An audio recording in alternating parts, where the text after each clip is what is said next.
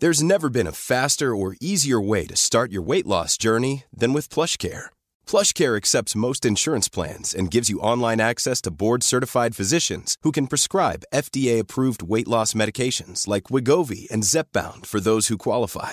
Take charge of your health and speak with a board-certified physician about a weight loss plan that's right for you. Get started today at plushcare.com slash weight loss. That's plushcare.com slash weight loss. plushcare.com slash weight loss. Hey, I'm Ryan Reynolds. At Mint Mobile, we like to do the opposite of what Big Wireless does. They charge you a lot, we charge you a little. So naturally, when they announced they'd be raising their prices due to inflation, we decided to deflate our prices due to not hating you. That's right. We're cutting the price of Mint Unlimited from $30 a month to just $15 a month. Give it a try at mintmobile.com slash switch. $45 upfront for three months plus taxes and fees. Promo for new customers for limited time. Unlimited more than 40 gigabytes per month. Slows. Full terms at mintmobile.com. Life is full of what ifs. Some awesome, like what if AI could fold your laundry? And some, well, less awesome, like what if you have unexpected medical costs? United Healthcare can help get you covered with Health Protector Guard fixed indemnity insurance plans. They supplement your primary plan to help you manage out of pocket costs. No deductibles, no enrollment periods, and especially no more what ifs. Visit uh1.com to find the Health Protector Guard plan for you.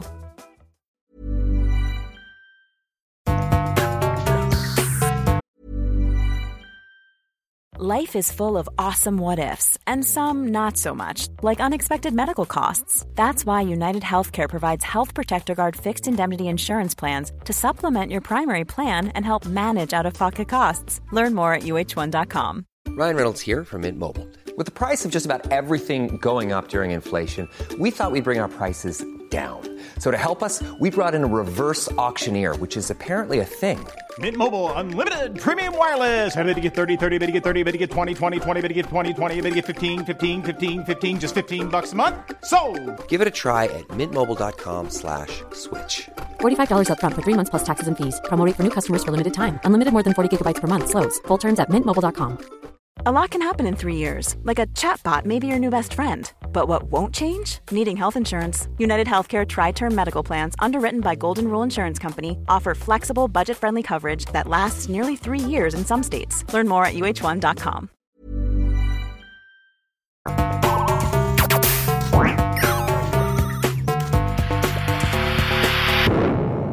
Velkommen til Sinnsyn. Jeg heter Sondre Risom Livre, er psykolog, og dette er Webpsykologens podkast. Hverdagspsykologi for fagfolk og folk flest.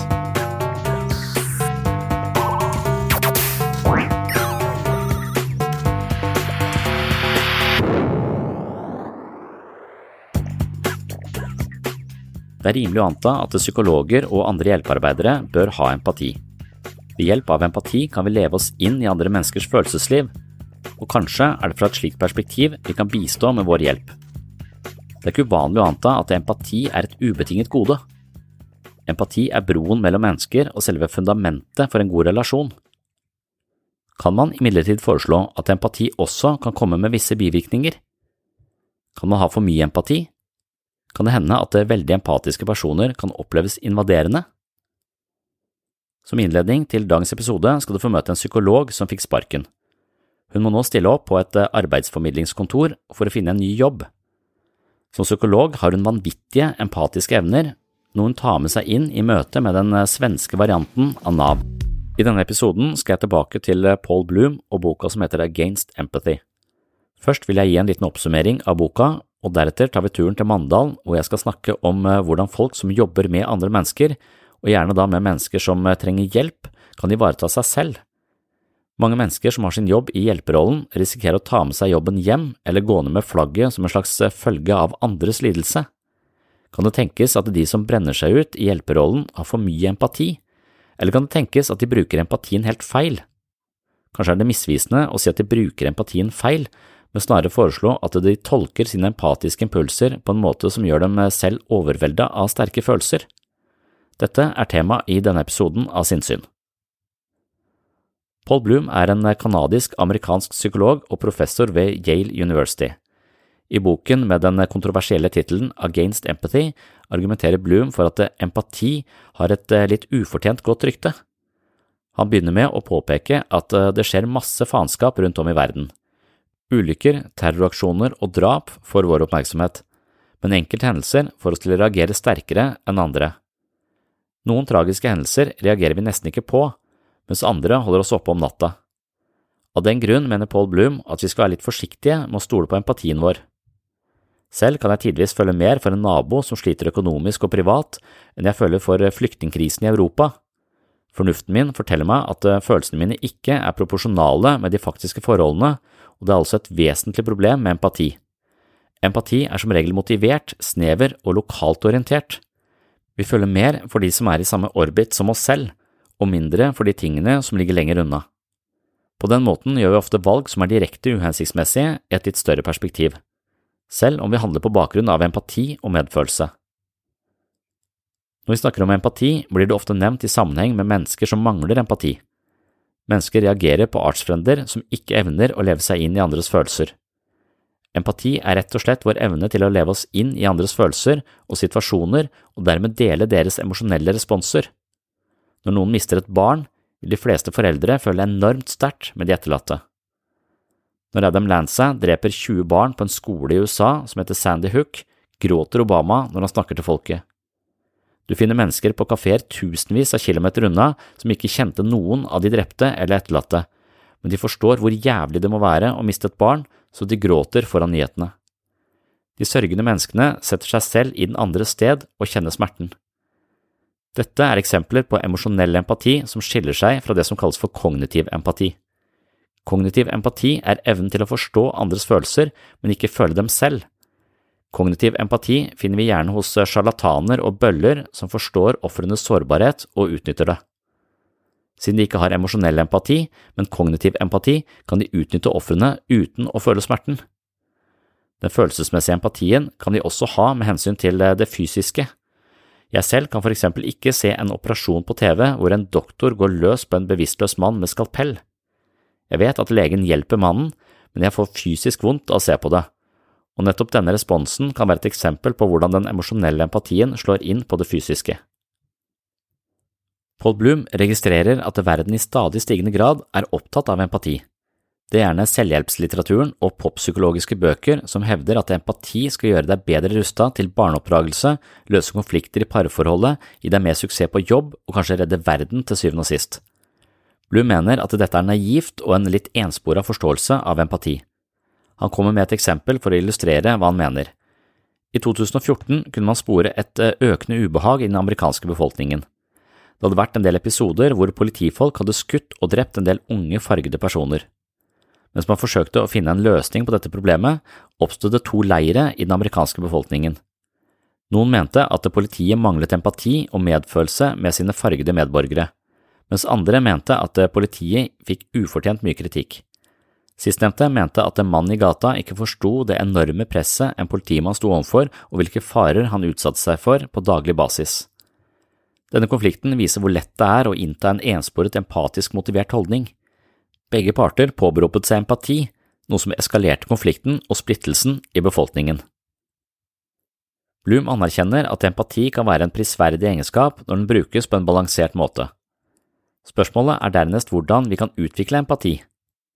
Dette er noe jeg har skrevet om på webpsykologen.no og snakket om i det vide og det brede her på sinnssyn. Konklusjonen er at empati kan trenes opp på flere måter, men Paul Bloom trekker frem et par viktige elementer. Han sier at empati er noe som utvikles med erfaring. Dersom foreldre får et barn med spesielle behov, utvikler de en sensitivitet for dette barnet, og den omsorgen de utvikler, får ofte ringvirkninger til alle barn med spesielle behov. Utover dette må vi aktivt fostre empati hos oss selv og andre. Foreldre må for eksempel utfordre barna sine og spørre dem om hvordan de selv ville hatt det dersom det var de som ble glemt eller utestengt fra fellesskapet, osv. Det handler om å trene opp evnen til å sette seg selv i den andres sko. Med andre ord er det mulig å føle noen. Det innebærer noe mer enn å være enig i andres synspunkter eller meninger. Empatisk innlevelse i andre reflekteres også i hjernens nevrologiske strukturer. Vi har noe som kalles for speilnevroner, som hjelper oss å speile andres følelser i oss selv. Denne typen speiling finner man både på det emosjonelle og det fysiske plan. Når vi observerer noen løpe eller slå hjul, kan hjernen vår aktivere de samme motoriske programmene uten at vi utfører aktivitetene. Den andres atferd reflekteres i oss, og slik er det også med de følelsesmessige aspektene. Paul Bloom poengterer at eh, empati kan anspore mennesker til gode gjerninger, men han understreker også at det finnes flere årsaker til at folk er snille mot hverandre.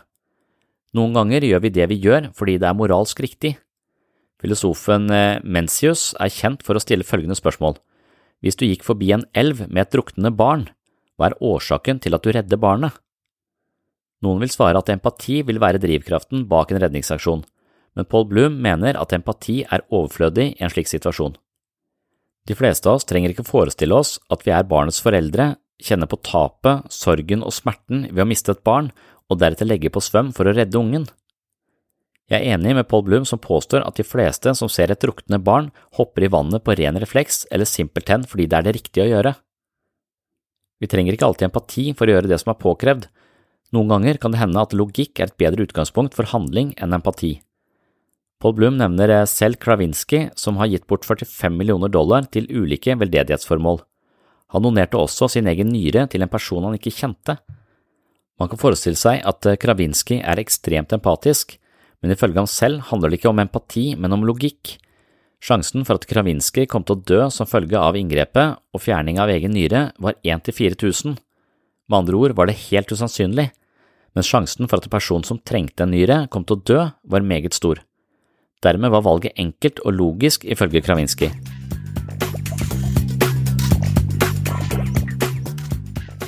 Jason Baldwin satt mange år i fengsel for kriminalitet han ikke hadde begått.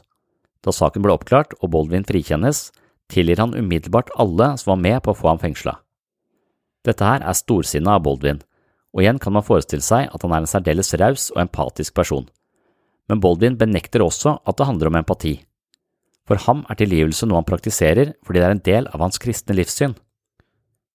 Paul Blums viktigste poeng er at empati kan være et farlig utgangspunkt for viktige avgjørelser. I boken Against Empathy viser han oss hvordan empatien er delvis partisk og sterkest mot dem vi står nærmest eller dem som ligner oss mest. Derfor vil avgjørelser tatt på bakgrunn av empati lett bli moralsk betenkelige. Skytingen ved Sandy Hook-skolen opprører oss så mye at vi overøser dette stedet med empati og pengegaver. Det ble så mye at myndighetene i Connecticut måtte anmode om at folk stoppet å gi gaver. I andre deler av verden skjer lignende og langt verre katastrofer uten at vi legger merke til det. Empatien vår er selektiv, og derfor risikerer vi å ta avgjørelser som favoriserer noen, men skader andre. Et eksempel på dette er en sak om vaksiner. Rebekka døde nesten av en vaksine da hun var åtte år gammel. Når vi ser et intervju med Rebekka og familien, er det lett å bli opprørt. Noen vil kanskje gå i tog og demonstrere mot selskapet som produserer denne vaksinen. Sannheten om vaksinen i Rebekkas tilfelle er at hun tok skade av den, men tusenvis av andre barn har overlevd på grunn av den samme vaksinen. Men det er bare tall og statistikk. Rebekka er et ansikt med en personlig historie, og det er noe som setter hjulene i gang i vårt empatiske følelsesliv. Empatien vår er rett og slett uberegnelig og lite treffsikker rent moralsk. Et annet eksempel er hvordan vi tenderer til å gi penger når vi ser en utmagret gutt på skjermen. Dersom vi ser gutten sammen med søsteren, gir vi litt mindre, og dersom vi ser en hel familie eller et helt samfunn i fattigdom, er det overveldende mange av oss som ikke gir noe i det hele tatt. Det burde vært annerledes, desto flere vi ser lider, desto mer burde vi gi, men faktum er at det forholder seg stikk motsatt. Et annet element som forkludrer våre empatiske tilbøyeligheter, er det som kalles for eh, schadenfreude eller skadefro. Kanskje har vi et eh, horn i sida til en kollega, mer eller mindre ubevisst, og når vedkommende mislykkes i et prosjekt, har vi ikke så mye empati og medfølelse for vedkommende. Dette er også et tema Paul Bloom tar opp, og det dreier seg altså om de situasjonene hvor vi mangler empati. Her er det flere faktorer som spiller inn. Blant annet viser det seg at empatien vår reduseres dersom vi anslår at personen som har det vanskelig, er skyld i det selv. Man har målt aktiviteten i hjernen til en rekke forsøkspersoner for å spore mengden empati i bestemte situasjoner. Blant annet har man vist bilder og filmer av mennesker med aids som strever med smerter relatert til sykdommen. Man får se flere personer med aids, samtidig som man får vite hvem av dem som har fått sykdommen ved blodoverføring på et sykehus, altså uforskyldt, og hvem som har pådratt seg sykdommen som følge av sprøyter i forbindelse med rusmisbruk. Her har de fleste atskillig mer empati med den uforskyldte gruppen. Blum nevner et annet og litt mindre dramatisk eksperiment, hvor man gir fotballsupportere et smertefullt elektrisk støt i hånda. Deretter skal personen som har fått støtet, overvære at andre mennesker får tilsvarende støt, mens man måler den nevrologiske aktiviteten assosiert med empati og medfølelse. I studien får man se at supportere fra eget lag og supportere fra motstanderlaget får støt, og vår empatiske respons er atskillig høyere når folkene fra vårt eget lag utsettes for smerte. Dette viser at eh, vår empati er noe som eh, fordeles i større og mindre grad avhengig av gruppetilhørighet. En annen følelse som kompromitterer empatien vår, er vemmelse. Når vi anser noe som ekkelt eller vemmelig, vil denne følelsen redusere vår empatiske kapasitet betraktelig. Dette er noe som for eksempel går utover rusmisbrukere og hjemløse. De som trenger vår empati, omsorg og medfølelse aller mest, får det ofte minst. Nok et argument for å kaste et kritisk blikk på menneskers empatiske tilbøyeligheter. Problematikken rundt vårt eh, empatiske kompass kan synliggjøres på en god måte dersom vi ser på forholdet mellom foreldre og barn. Når barna mine ønsker seg noe veldig, og gir uttrykk for en sår mangel og ulykke fordi de mangler denne tingen, kan jeg avhjelpe barnets vanskelige følelser og kjøpe det de ønsker seg. Samtidig vet jeg at barn som får alt de ønsker seg, blir bortskjemte, og bortskjemte barn er det vanskelig å like, noe som i siste ende skader barnets karakter og sosiale liv. Derfor må jeg si nei, selv om mitt eh, nei øker frustrasjonen og den emosjonelle smerten i øyeblikket.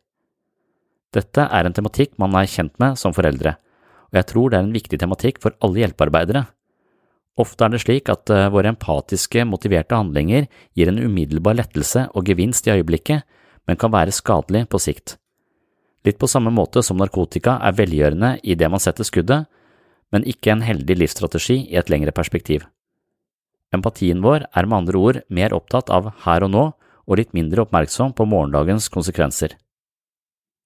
Man kan også påpeke at dynamikken som foregår mellom foreldre og barn, eller behandler og pasient, også finnes på et makronivå hvor rike nasjoner forsøker å avhjelpe utviklingsland med midlertidige løsninger som bare gjør landet avhengig av bistand uten å ruste samfunnet mot selvforsørgelse på lengre sikt. Det finnes mange veldedige formål som er tilsynelatende gode med edle motiver, men som egentlig misbruker ressursene vi har tilgjengelig. Paul Bloom nevner Make-A-Wish Foundation. De oppfyller ønsket til syke barn. En femåring med leukemi fikk lov til å være Batman for en dag. Han kjørte rundt i en eh, Batmobil og reddet folk i nød. Opptrinnet rører mennesker som føler for gutten, og det gleder oss å se ham i Batman-kostyme. I et annet perspektiv kan vi påpeke at opplegget kosta 7500 dollar, og for den summen kunne man reddet mange liv dersom man investerte i myggnetting til barn i Afrika som dør av malaria. Psykologen C. Daniel Batson spurte en rekke mennesker om man burde la alvorlig skada personer rykke frem i køen på akuttmottaket. De fleste svarte at alle på akuttmottaket som regel er alvorlig skada, og at man blir nødt til å vente på sin tur. Dersom man endret premissene i spørsmålet og spurte om en alvorlig skadet ti år gammel jente burde rykke frem i køen, så var de fleste enig i at det var greit. Poenget er vel at eh, empati kan være en prisverdig egenskap som ansporer oss til å tenke på andre og vise omsorg og medfølelse. Vi må huske på at empati også forkludrer våre perspektiver på en måte som ofte gjør at vi tar dårlige avgjørelser.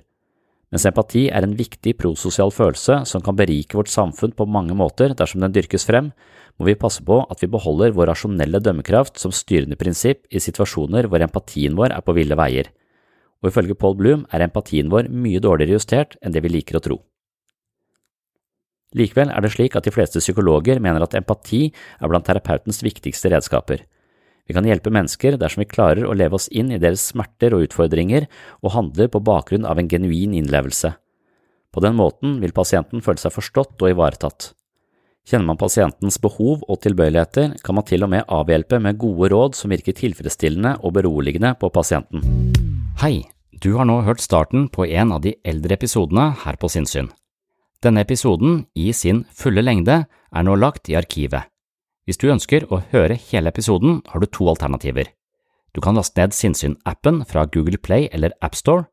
I Sinnsyn-appen kan du gå inn på podkast og finne hele arkivet. Her ligger de 370 første episodene av Sinnsyn i sin fulle lengde og originale form, i tillegg til 40 bonusepisoder fra tidlig sinnssyn og disse arkivepisodene er til og med uten reklame fra tredjepart. Alternativ to, hvis ikke du vil bruke Sinnsyn-appen, er å gå inn på patron.com for segs sinnssyn. På Patron kan du finne en feed som inneholder alle de arkiverte episodene.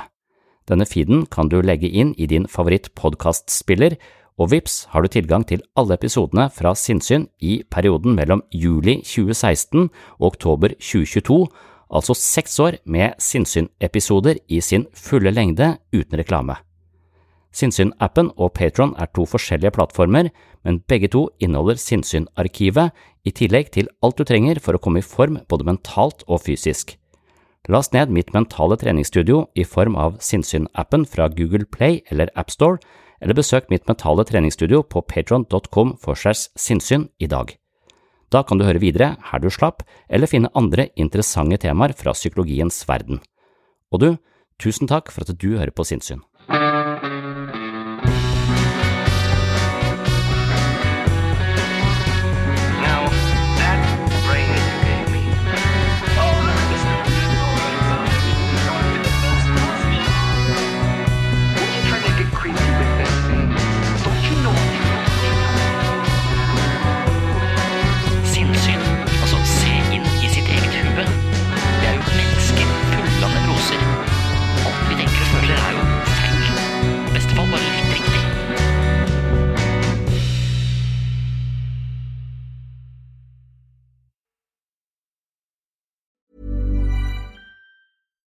Deserves the best, and there's no better place to shop for Mother's Day than Whole Foods Market. They're your destination for unbeatable savings, from premium gifts to show-stopping flowers and irresistible desserts. Start by saving 33% with Prime on all body care and candles. Then get a 15-stem bunch of tulips for just $9.99 each with Prime. Round out Mom's menu with festive rosé, irresistible berry chantilly cake, and more special treats. Come celebrate Mother's Day at Whole Foods Market.